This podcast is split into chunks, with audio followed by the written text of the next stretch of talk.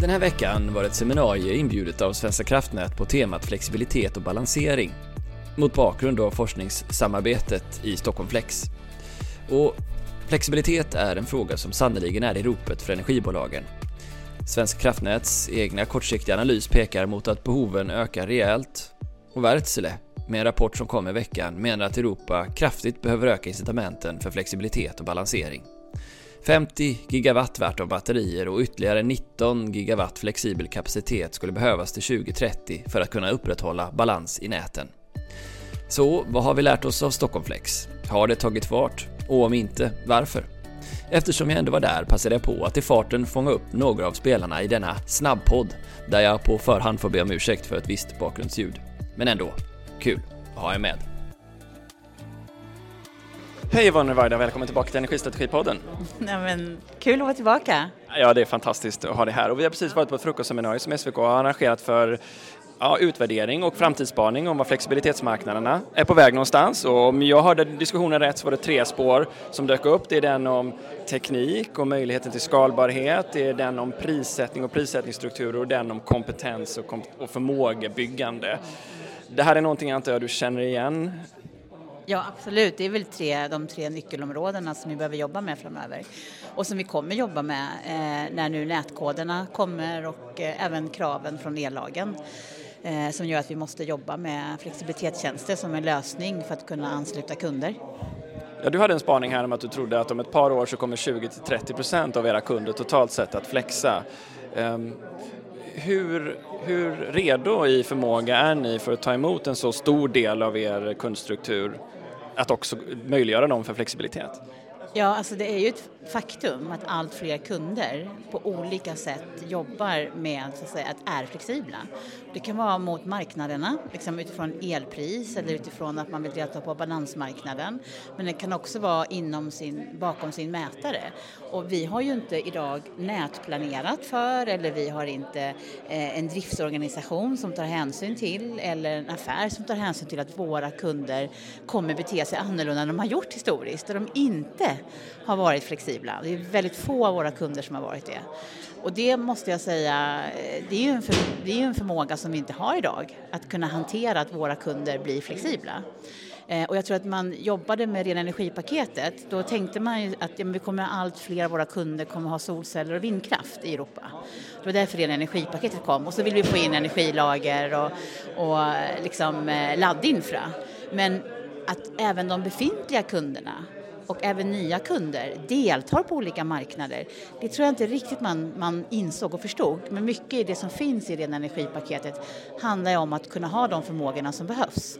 Så att det vi har lärt oss i Stockholm Flex eh, när vi har jobbat med flexibilitetsmarknad, det har vi väldigt stor nytta av när vi ska titta på hur kan vi hantera att våra kunder blir flexibla. Men vi har fortfarande väldigt mycket att lära sig.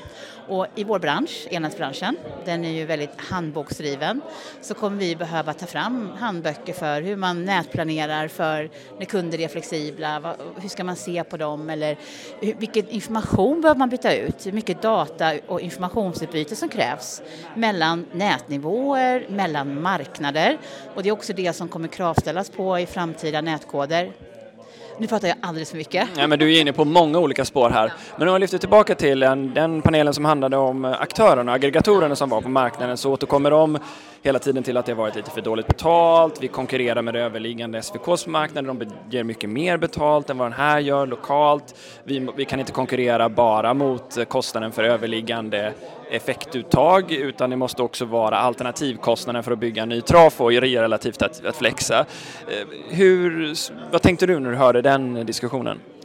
Det finns ju flera delar i det här. Jag tror att dels kommer vi ha en del flex som kommer delta på olika marknader. Och här, om vi har det sömlöst mellan marknaderna, då kommer de marknader som behöver köpa den flex som behövs när den behövs. Och då ska det ju vara enkelt för en aggregator att delta på alla marknaderna samtidigt. Då blir det inget problem. Sen kommer det vara så här att vi som nätbolag kommer behöva vissa reserver som vi kan använda en femårs eller tioårs vinter. Den typen av reserver, då kanske man måste ha en möjlighet att göra tillgänglighetsersättning. Och det är någonting vi har testat i Stockholm Flex där vi har testat en liknande modell som FCR har där man faktiskt betalar för tillgänglighet dagen och två eller tre dagar före. Eh, att man säger vi har det här behovet och sen så får man betalt för att man har lagt bud. Den typen av affärsmodell tror jag också kommer vara en kompletterande del. Så det gäller att titta på lite olika spår. Det finns liksom inte en enda lösning och vi, vi lär oss här fortfarande tillsammans, både flexleverantörer och elnätsbolag. Men jag tror också regleringen behöver vara tydlig med vad är den här eh, ersättning, vad är värdet av flex, hur ska vi se på den? För där har man inte sagt eh, särskilt mycket. Nej, just det, för det är ju en del att aggregatörerna är bättre på att vara på med i en sån multi-market optimization så därmed kan få avsättning i flera värdeflöden. Men den eh, kanske springande punkten är ju också vad ni får för värde i er reglering av att kunna ersätta en fysisk utbyggnad med en flexibilitet i befintlig kundstock. Eh, vi problematiserade det lite här, och jag ställde frågan till dig men jag vill göra det igen. Nu handlar ju elnätsregleringsdiskussionen väldigt mycket istället om hur, hur, man ska värdera befintligt nät och hur vacken ska styras. Den här delen som berör hur vi om, eh, ska säga, undviker investeringen av flex, hur, hur, tycker du att den har kommit fram i diskussionen inför nästa reglerperiod? Jag är ju inte insatt i, i diskussionen kring intäktsregleringen men det jag har förstått är att man diskuterar ju att flex ska ses som en en eh, kostnad för överliggande nät, det vill säga en kostnad som går rakt igenom. Det tror jag är problematiskt därför då, då betyder det att man inte ser flex som en någonting som kan ge ett värde för elnätsbolagen eh, medan däremot bygga nät gör det och då får man en obalans mellan att bygga nät och jobba med flexibilitetstjänster. Så här behöver man nog tänka om. Men så finns det också ett annat perspektiv och det är att ibland upplever jag att regleringen tänker sig att liksom flexibilitetstjänster är någonting som vi kan, ja, men vi, vi ser att vi har det imorgon. Men så är det inte. Vi har ett gap över tid och här tror jag att regleringen skulle vinna på att, att liksom värdera att vi bygger förmågan, det vill säga förmågan att kunna avropa flexibilitetstjänster oberoende om det är marknadsmässigt eller villkorade avtal, förmågan att kunna göra en upphandling till exempel, förmågan att kunna berätta vilka nätbehov vi har som vi vill använda flexibilitetstjänster för. Om vi skulle kunna liksom i indexregleringen få de närmsta åren poäng för att vi har, bygger upp den typen av förmågor, då, då bygger vi det som vi kommer behöva om 5-10 år. Jag tror att den här resan, att både handlar om förmågeuppbyggnad och att bygga upp likviditet hos flexleverantörer och våra kunder, det är ju liksom det som jag saknar, det perspektivet. Vi, det är inte bara trycka på en knapp och så är allting på plats imorgon. Du som har en europeisk utblick också nu då, finns det liknande inspiration att hämta någonstans i Europa? Ja, alltså det finns flera länder som har jobbat, eh, bland annat UK har man gjort det, där man har jobbat med den typen av förmåge, eh, alltså incitament helt enkelt, där man får, man får liksom ökad lönsamhet om man jobbat med de här förmågorna som man då utpekar i några olika länder. Så det här sker i andra länder. Du har nu fått den eh, stora äran också att få vara med i utvecklingen och skriva de nya nätkoderna som rör flexibilitet genom samarbetsorganisationerna för DSO-erna i Europa men också Acer och NCO är naturligtvis inblandade i det här. Berätta lite grann snabbt, vad, vad är det som är på gång här så att eh, alla förstår? Vi väntar faktiskt, det ska nog komma här i veckan, på att eh, kommissionen eh, ger ett brev till EU, dels alltså Entity och NCO, där man ger dem i uppdrag att ta fram nätkoden. Eh, och då har man 12 månader på sig max, kan bli kortare, hoppas inte, för det är jättemycket som ska skrivas. Och utifrån den ramriktlinje som nu har lagts rörande demand respons, efterfrågeflexibilitet, så har ju då en 14 manna stark grupp uppdrag att skriva nätkoden och där ingår jag från Sverige Sen har vi också flera andra svenskar som deltar. Vi är 100 DSOer som faktiskt deltar i arbetet. Jag tror det är minst lika många på TSO-sidan. Så det är otroligt många experter och från oss är det både E.ON och eh, Ellevio och SVK också representerade i arbetet. Så att, eh, ja, det, det kommer vara ett stort arbete och det är väldigt kul att Sverige är med. Det är nog första gången i den här typen av liksom, nätkodsarbete där Sverige har den här typen av representation som är så stor och bred och den är viktig eh, för det ger oss en möjlighet att förstå koden bättre men också att kanske se till att få in vårt lärande eh, i det arbetet. Tror du det finns möjlighet här eller siktar ni mot eller ja, vad är din spaning? Kommer man klara av att bygga ihop nätets alla spänningsnivåer i det här arbetet? Alltså det som är det nya, som är helt nytt, det är att vi kommer vara tvungna att jobba på ett annat sätt mellan nätbolagen i Sverige och olika aktörer. Därför att vi kommer dels ha en del reglering på EU-nivå som blir harmoniserade och sen kommer vi nationellt ta fram regelverk, alla systemoperatörer tillsammans. Eh, och det här, så här har vi inte jobbat tidigare. Eh, men det som också är nytt är att regelverket kommer förändras över tid. Så det är inte så här att vi kan, vi tror att ja, men nu har vi ett regelverk på plats och så kommer det gälla i tio år. Utan här får man nog räkna med kontinuerliga förändringar i en väldigt agil och föränderlig värld. Och det är också lite utmanande för man är inte heller van vid. Så vi kommer behöva lite nya arbetssätt och, nya, och det kommer verkligen handla om samarbete. Och det är väl, det är väl liksom egentligen trenden i samhället. Mer komplex värld, mer krav på samarbete och samverkan. Och, eh, ja, så det är spännande utmaningar framåt för hur vi jobbar tillsammans. Snabbare utvecklingscykler även för elnäten framöver? Ja, ja. Och det tror jag, jag menar, ser man på teknikutveckling och på våra kunder så de skyndar ju ännu snabbare än vad vi elnätbolag liksom försöker hänga med på. Eh, du, tusen tack för att du tog dig tid att stanna kvar en stund. Tack så mycket. Efter att ha pratat med Yvonne sprang jag vidare för att också fånga in en av alla de aggregatorer som var på plats för att ge sina reflektioner efter att ha deltagit på marknaden. Och Myrsboven är ett mjukvarubolag som siktar in sig på att energieffektivisera, optimera och handla med fastigheters olika förmågor till flex. Det har enligt egen utsago över tusen fastigheter och ser en stor besparingspotential i konsumtionen. Det är en av alla de aggregatorer som lyfter betydelsen på att deras tjänster ännu inte tillskrivit det värde som de faktiskt har. Här med Carl-Johan Kokarska. Varmt välkommen till Energistrategipodden. Tackar. Ja, eh, jag har inte haft med Myrsboven tidigare i Energistrategipodden. Kan inte du berätta lite grann? Vad är ni för typ av bolag och vad är er ambition? Eh, ja, vi är ett eh, startup från 2017 där egentligen det var Anders Kallebo och Johan Brunius som startade det. Och vi är ett, egentligen ett, ett företag som energioptimerar fastigheter men också gör andra tjänster som till exempel går ut mot flexmarknader eller effekt, kollar på effekttariffer och liknande. Hur stor volym sitter ni på idag? Är det Stockholm eller har ni också bredare geografisk spridning? Eh, vi har ganska, ganska stor geografisk spridning. Egentligen över hela Sverige, men även lite grann i Finland och eh, England och liknande. Så att vi eh, börjar sprida oss utanför Sverige nu också. Och du är ju här för att ni har varit med i Stockholm Flex eh, också. Och vi fick höra här från panelen om alla de olika företag som ju agerar som aggregatorer här i Stockholm Flex att eh, det var mycket intresse i början, men att den också svalnade. Vad, vad var din take på hur utvecklingen av Stockholms Flex har varit rent intressemässigt? Eh, ja, alltså, när jag började på Mysboven ska jag ju säga att eh, jag hade detta som mitt första uppdrag egentligen.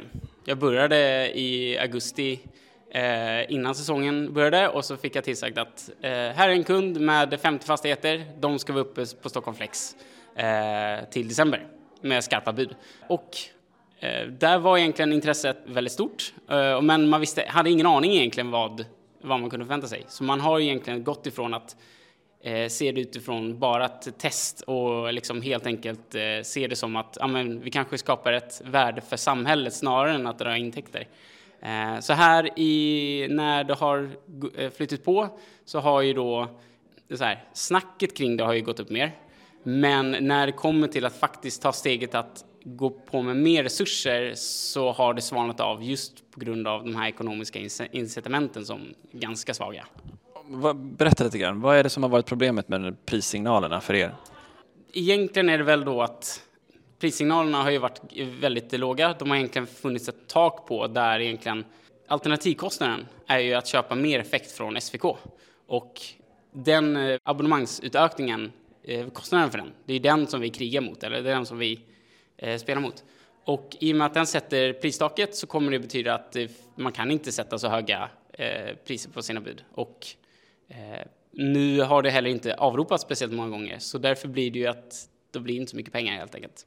Vad tycker du ni borde konkurrera med? Om det nu inte är kostnaden för överliggande abonnemang, vad, hur borde man se på vad värdet av den flex ni tillför är?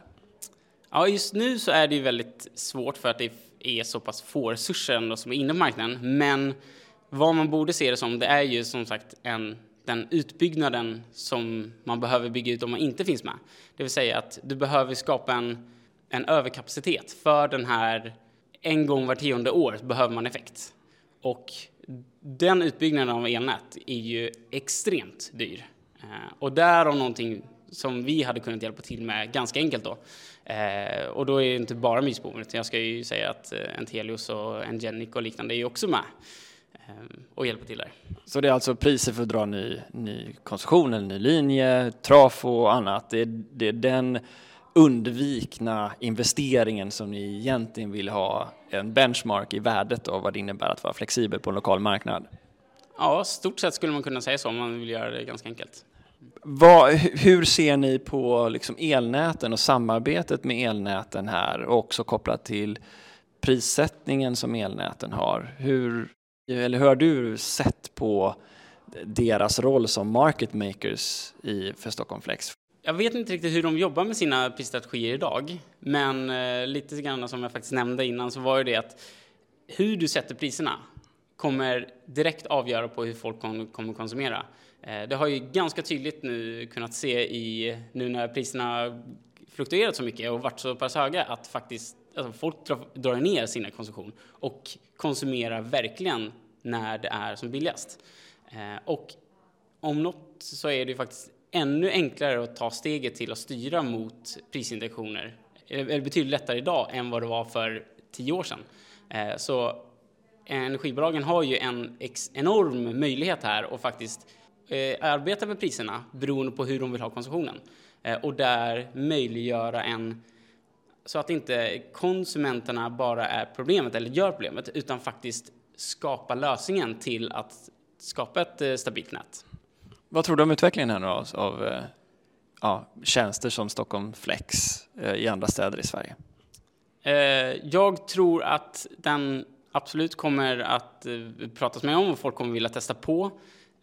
Men jag tror någonstans också att vi kanske inte ser en egentligen stor uppskalning förrän vi kommer nära, alltså när det smäller som sagt. Alltså den dagen där vi märker nu, vi måste ha det här. det här. Nu måste vi köpa loss hur mycket som helst. Det är då vi kommer verkligen kunna se värdet. För nu så har det varit en mild vinter. Det har, folk har dragit ner generellt sett sin energikonsumtion och där har det kanske inte riktigt behövts. Men när det väl kommer till kritan, och det handlar ju om eh, statistik, vad är sannolikheten att det händer? Det är där, när, där vi kommer se det riktiga. Suveränt. Du, eh, tusen tack eh, för att du tog dig tid att vara med i Energistrategipodden. Tack själv.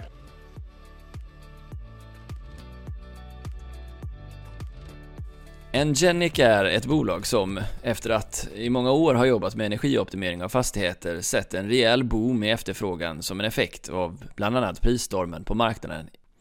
Joakim Lindborg, integrationsarkitekt på företaget sedan ett och ett halvt år tillbaka, var en aggregatorsrepresentant med flera åsikter om marknadens utveckling.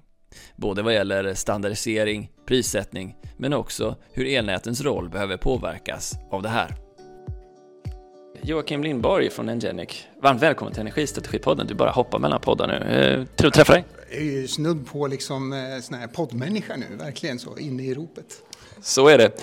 Men här med eh, mer fokus på de marknadsmässiga frågorna. Du har precis stått som i en, i en panel med andra aggregatorer just, och diskussionen om Stockholm Flex, dess förmåga, dess brister och dess eventuella framtid.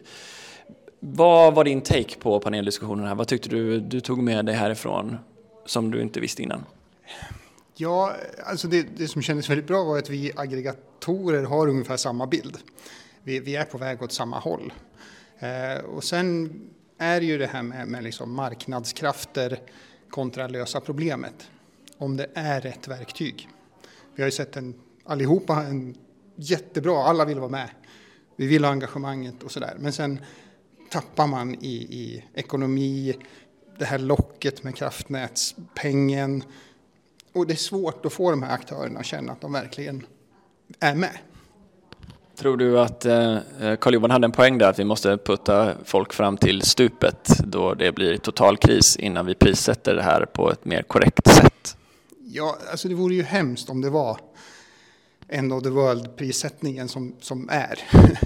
Eh, men naturligtvis, en kris löser problemet, så är det ju. Absolut. Eh, plötsligt så är alla intresserade av att, jaha, kan mina solceller göra el även i kris?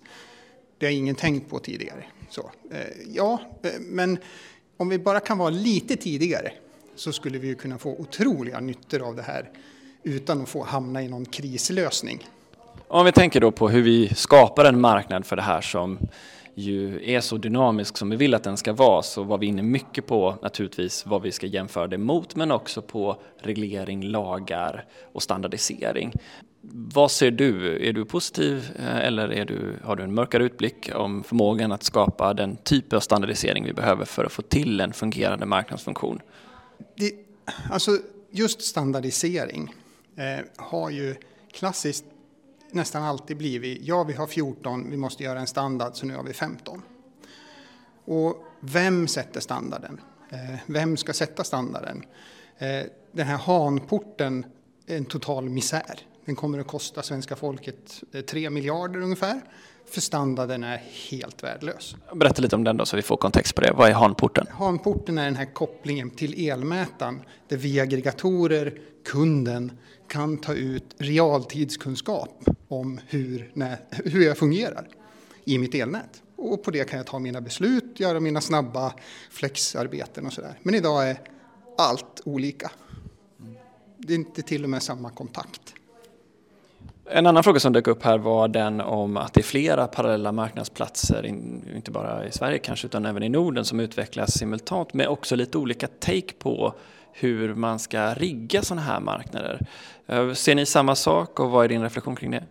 Ja, absolut. Och vi har ju varit med i princip allihopa eh, av de här. Och de, de gör lite olika och vi, vi ska expandera och det blir väldigt många varianter.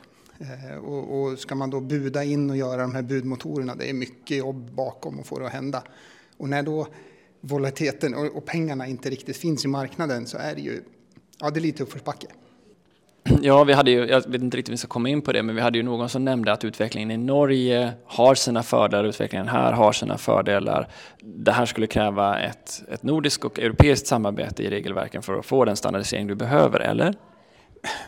Både ja och ja. Eh, för att alltså idag så ser vi ju eh, den, den här marknadslösningen som den väldigt stora. Eh, vi måste göra det här och det måste bli rätt innan vi gör någonting. Alltså om, om, man sätter ner foten någonstans och kör så kommer ju det att hända. Då kommer det att funka. Och sen, alltså vi är jätteduktiga på att integrera åt alla håll och kanter. Så om någon bara säger vi går åt det här hållet Energimarknadsinspektionen eller SVK. Kanske att den här upphandlingen nu sätter ner foten. Nu går vi hitåt. För det spelar egentligen ingen roll. Eh, har vi bara, alltså, för ancient tid så satte ju eh, Danmarks energimyndighet var det väl då som satte eh, Seawave på kartan genom att säga att Seawave är lösningen för oss. Och plötsligt fanns Seawave som ett begrepp, en funktion, händer om någon sätter, kanske Ikea tar foten nu med det här Matter-initiativet där smarta hem faktiskt kan bli standarden. Det kanske är där vi ska vara. Det kanske är den här uniforma smarta hem-paketet som är lösningen för att lösgöra flexen. Sen vad den ska aktiveras ifrån, det kan vara alla möjliga knappar. Nu är vi tillbaka på den här eh, klassiska vem är det som egentligen bär ledarskapet för energimarknadens omvandling? Ehm, vad är din eh, uppfattning om hur det har fungerat och vilket ledarskap som tas från här då samarbetet SVK och de eh, elnät, stora elnätsföretagen som är här idag? Ja, jag tycker det är jättebra att de börjar prova och, och köra och visa lite. För, för, nu är det lite moment 22. Små nätbolag, de vågar inte för de stora ska gå först och de stora vågar inte för de måste ju göra rätt och ingen får göra fel. Eh, vi måste vara lite mer förlåtande och få göra fel. Prova tarifferna då, gör ett test på tre år. Och EI säger ju varje gång man ställer frågan, ja men de får göra vad de vill, hitta på en rolig tariff i tre år. Men det är ju ingen som gör. Och alla väntar på alla. Och så ska nätkoderna komma som alena lösningen. Eh, prova, börja, gör något kul. Den eh, fråga som också dök upp var den om, om teknik och skalbarhet och möjlighet att rulla ut. Vad har varit er uppfattning om, om förmågan att skala de här projekten till kunder som tidigare inte varit en del av Flex? Hur, hur stor utmaning är det eh, för att verkligen få upp volymen av den Flex som finns kanske latent i alla energisystem, lokala som nationella? Tittar vi på de stora aktörerna som Vasakronan och de här eh, som vi hörde Ulf berätta i, idag här att alltså de tar ju ett grepp om det här i sina fastigheter. Men det är ett ganska långt jobb att göra det. Eh, och det ser vi att det, det är svårt att få loss den fort eh, och, och ofta så är det väldigt optimerat redan. I NK kan vi inte dra ner värmepumparna för då får de inte tillräckligt kallt i frysarna i Hemköp för det, kylsidan på värmen är en ingång på nästa som blir ett kortspel och så är det jättekomplicerade verktyg. Medan vi tittar på längre ut i näten, som du nämnde, alla andra nätbolag, där har vi ju liksom miljoner med villor som kan vara med. Jättemånga huskroppar, fastigheter som kan vara med. Men de är inte här där det är mest komplext och sådär. Och dit måste vi skala, vi måste ju få med alla på tåget. Du lyfte också den frågan om eh, energigemenskapernas framtida position här. Vad var din take där och, vad är problemet? Jag skulle säga, vad är möjligheten? Om man får sticka ut huvudet så är det här energidelning över fastighetsgräns en riktigt dum juridiskt påhitt. För vi kommer att vara kreativa. Vi kommer att börja dela över en fastighetsgräns över två fastighetsgränser. Vi kommer att dra likströmsnät, vi drar egna kraftledningar.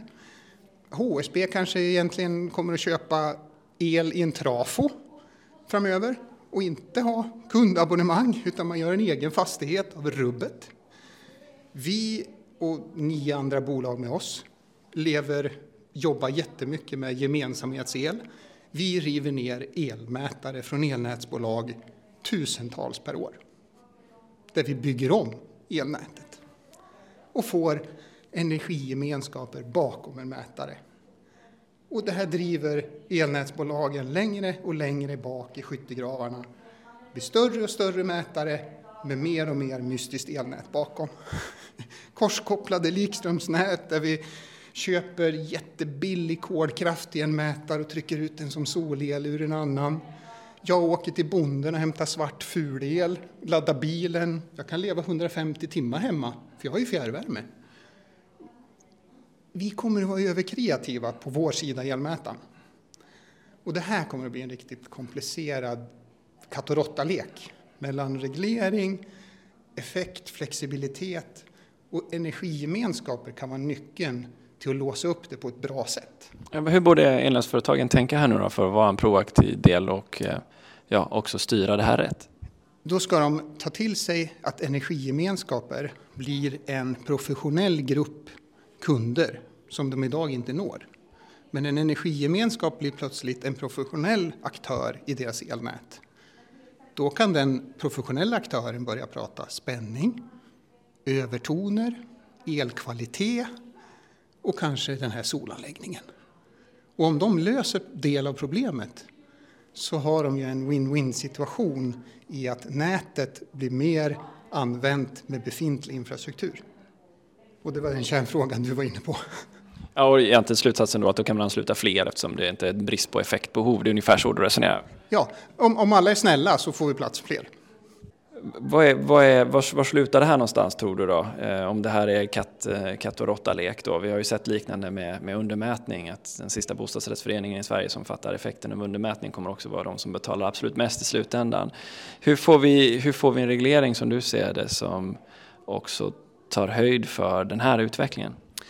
Ja, jag tror att vi måste släppa den fysiska förändringen av energigemenskaper och börja prata om den logiska nyttan.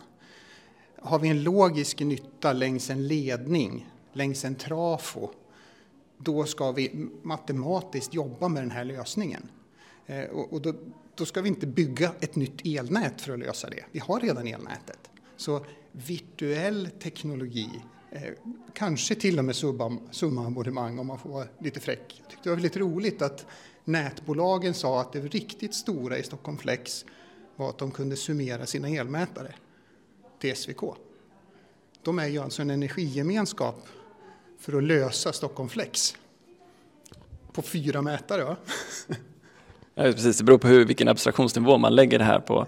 Eh, men en del av som elnätsbolagen också tog upp var ju den om att det här också bidrar till att bygga deras förmåga och deras kompetens och förstå vilka, ja, dels vilka kompetenser man behöver för att rodda det här, vilken teknik man behöver implementera, men också hur affären ska se ut. Eh, I vilken mån ser du, ni som är runt i hela Sverige, förmågabyggandet inom elnäten idag? Eh, ger det, ger det en känsla av att vi är på väg någonstans eller hur är hastigheten? Det är väldigt olika. Eh, och jag ser att de som sitter i guldsits just nu, det är ju de klassiskt kommunala energibolagen. Eh, där man har en beslutsstruktur som, som kan gå lite på tvärsen. Att man sitter, ja, om vi får prata, för nära nät och elhandel och avlopp och, och hela systemet. Och kan vi få en, en, en effekt av att de mindre nätbolagen kan lära sig av de här som tar lite steg Eh, en sån lärandeprocess i, i, ja men det finns ju olika såna här grupper av de här mindre nätbolagen. Men hur många elnätsbolag tror du kan svara på frågan om det kommer en större industrikund och säger hej jag kan flexa här 4 megawatt i ett nät som är ganska trångt. Vad får jag betalt för det? Hur många kan svara på en sån fråga då? Jag tror att alla de kan se nyttan och i en relation så gör de det redan. Eh, sågverket när det är kris så ringer de sågverket och ber, ja men kör inte torken på torsdag för då är det kallt. Vet du. Ja, inga problem. Och idag så är det under huven och inte betalt. Och skulle de kunna tänka sig att det här blir någon sorts del av intäktsramen och en möjlighet av att lösa, att nyttja befintlig infrastruktur, så kunde vi få upp det här värdet på inte jag, nyttjandegrad som ett värde av hur, hur bra du är att sköta ditt elnät. Då skulle det här hända på en gång. Och då skulle de här Flex-industrikunderna bara, ja, ja, men till lokala nätbolag. För där är så kort beslutsväg så att ja, ja, kom, kom. Men är det samma värde då, att bidra med eh, den här typen av flexibilitet och effektnytta på en väldigt granulär nivå bakom en specifik trafo kontra i regionnätet kontra i stamnätet? Ja, det, alltså tittar vi på en, en eh, infrastruktur som är satt som ska leva i 40 år ute i ett långt brett nät. Och så börjar det byggas nya villor. Och så blir plötsligt den här trafon gammal i förtid.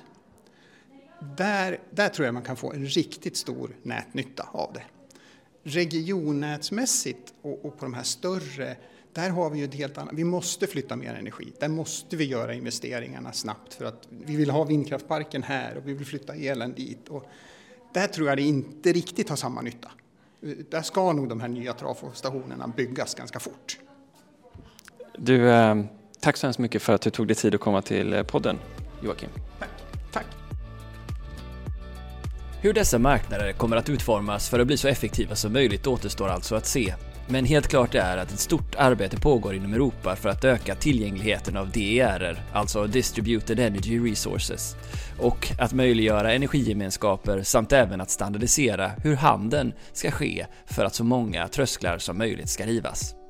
Det kommer att påverka rollerna för aktörerna på marknaden och kanske allra mest intressant kommer det vara att följa hur elnätsbolagen reagerar på de nya aktörerna. Hur kommer de agera för att både behålla intäkter samtidigt som de stimulerar ett förändrat beteende i näten? Det får vi följa tillsammans. Ha det bra!